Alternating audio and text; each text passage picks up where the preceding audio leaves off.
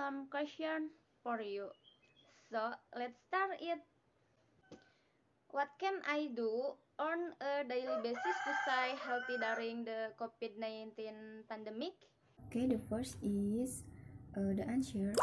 Uh, take care of eating, increase physical activity, enough sleep, maintain mental health, pay attention uh, to health condition, and drinking vitamins increase the body's immune uh. Um,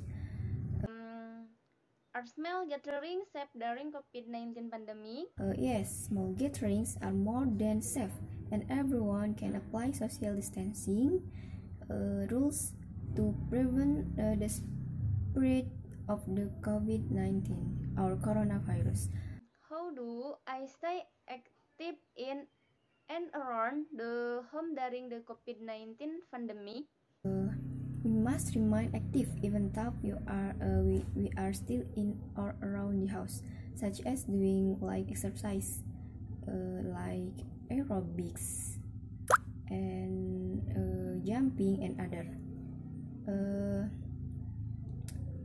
for the next or for the last is Yes, it will change due to several differences that make students uh, unfamiliar. All learning system must be online. Thank you. What should you do to keep yourself and others safe from COVID-19? For me, what needs to be realized correctly is the importance of maintaining self-health because such prevention is the best and cheapest. The preventive and self-protective measure of coronavirus is to implement GERMAS, Healthy Living Community Movement. The way is with the following activities diligent hand washing with soap, eat uh, with balanced nutrition, diligent exercise, and adequate rest. Keep the environment clean. Drink mineral water, 8 glasses per day. Eat perfectly cooked food and don't eat meat from potentially infectious animals. If fever and shortness of breath are immediately go to the health facility Use mask when coaching or covering your mouth with your inner upper arm. Don't forget to pray. How will the balance of on-campus and remote work change? How will the balance of on-campus and remote remote work change?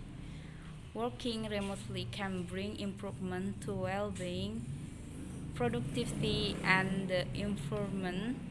Example about 1.5 million daily commuters in Greater Jakarta could avoid significant health risks by working from home.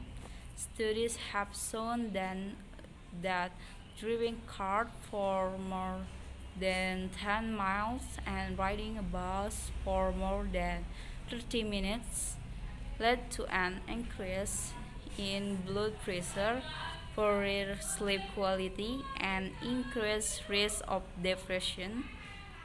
Moreover, being exposed to pollution can also be detrimental to the health and psychological condition of workers. Furthermore, Workers benefit from better work-life balance while working remotely. They are able to spend more time with their kids, exercise more regularly, and enjoy their hobbies. This increases their happiness.